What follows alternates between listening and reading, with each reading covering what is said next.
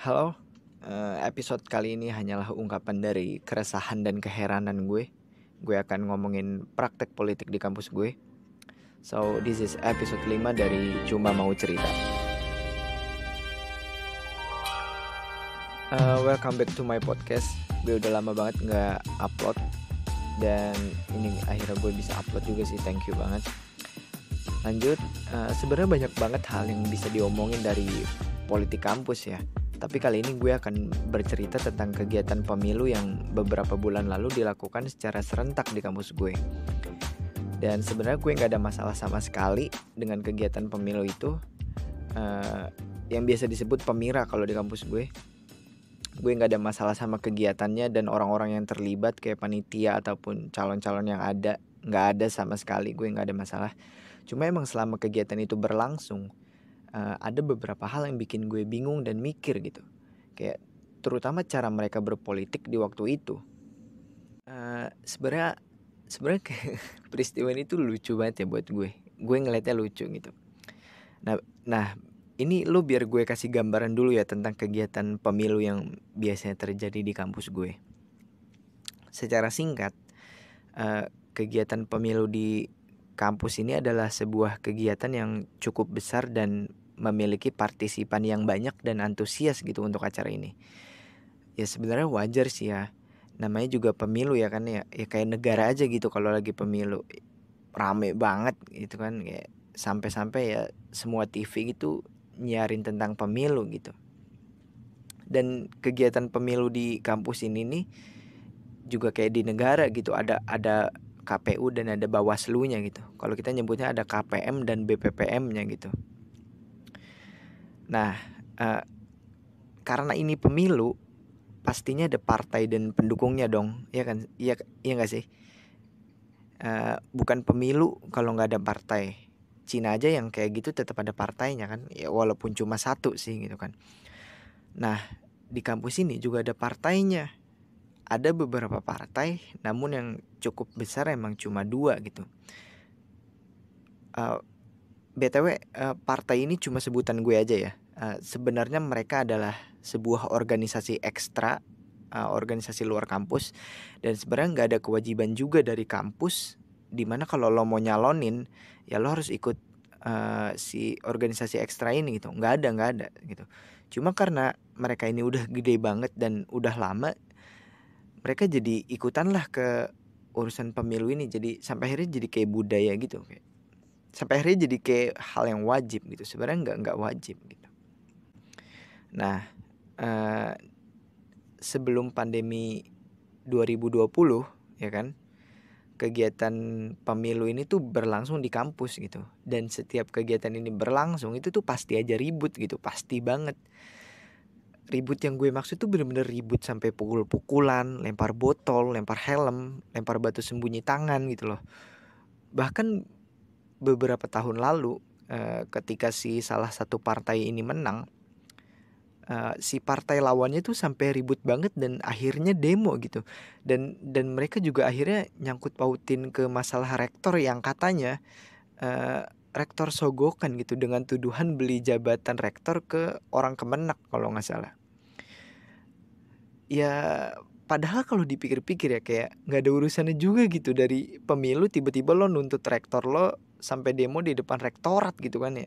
Ya semoga sih gue nggak salah ya tapi seinget gue gitu dulu uh, kalau nggak salah kayak gitu intinya. Ya intinya ketika seorang calon dengan partai A itu menang maka partai B tuh bakalan gak suka sampai akhirnya ribut gitu benar-benar ribut gitu loh. Gue biasa nyebut ini dengan kata norak sebenarnya. Norak gitu loh.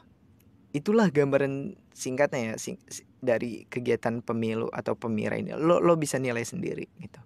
Nah, tahun ini uh, 2022 juga ada beberapa cerita yang cukup lucu gitu, lucu dan seru gitu. Dan kegiatan kali ini dilakukan secara online gitu, uh, nggak nyoblos secara langsung.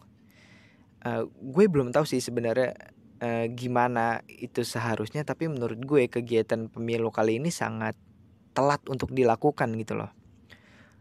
Bener-bener telat gitu loh pemilunya biar gue kasih perbandingannya ya uh, sama tahun sebelumnya nih ya uh, tahun lalu itu uh, atau kepengurusan sebelumnya itu pelantikan pelantikannya ya pelantikan si KPU dan Bawaslu-nya atau KPM dan BPPM-nya itu terjadi di bulan Oktober 2020 ya kan pelantikan KPM dan BPPM-nya terjadi di bulan uh, Oktober 2020. Kemudian ada debat sampai sampai dengan voting lah itu dan akhirnya dilantik uh, si yang terpilih itu tuh akhirnya dilantik di bulan April 2021 gitu. Itu tahun sebelumnya.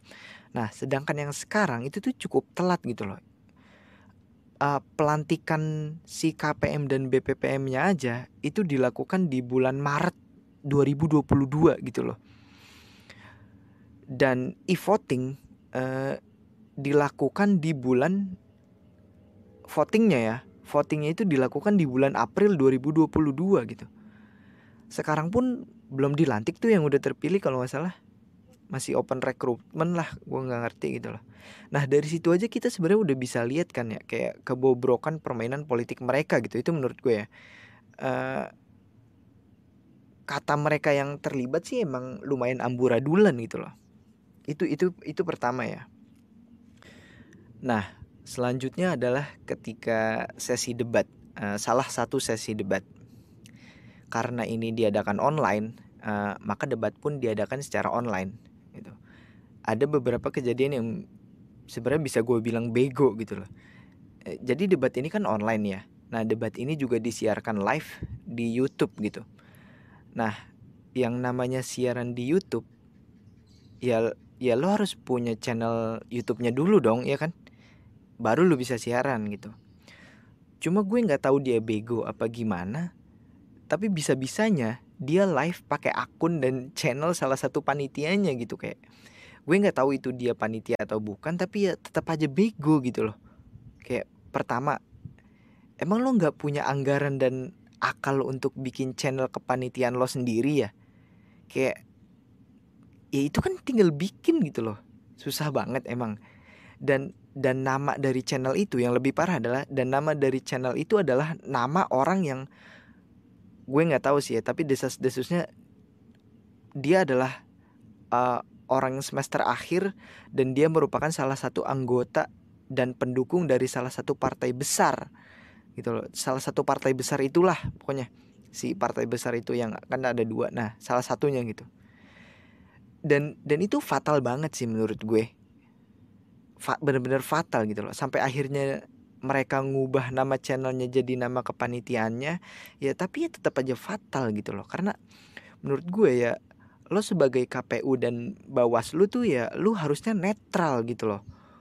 Walaupun mungkin isi orangnya di salah satu walaupun isi isi dari KPU dan Bawaslu itu mungkin dari salah satu partai ya tapi ketika pelaksanaan ya lo nggak boleh sampai nonjolin partai yang lo anut sampai akhirnya menimbulkan asumsi bahwa kegiatan ini ditunggangi dan melakukan praktek korupsi kolusi nepotisme gitu. Kayak kayak aneh tau gak sih? Kayak fak lah gitu loh buat gue dan dan untuk seukuran mahasiswa ya menurut gue sih itu fatal banget gitu loh.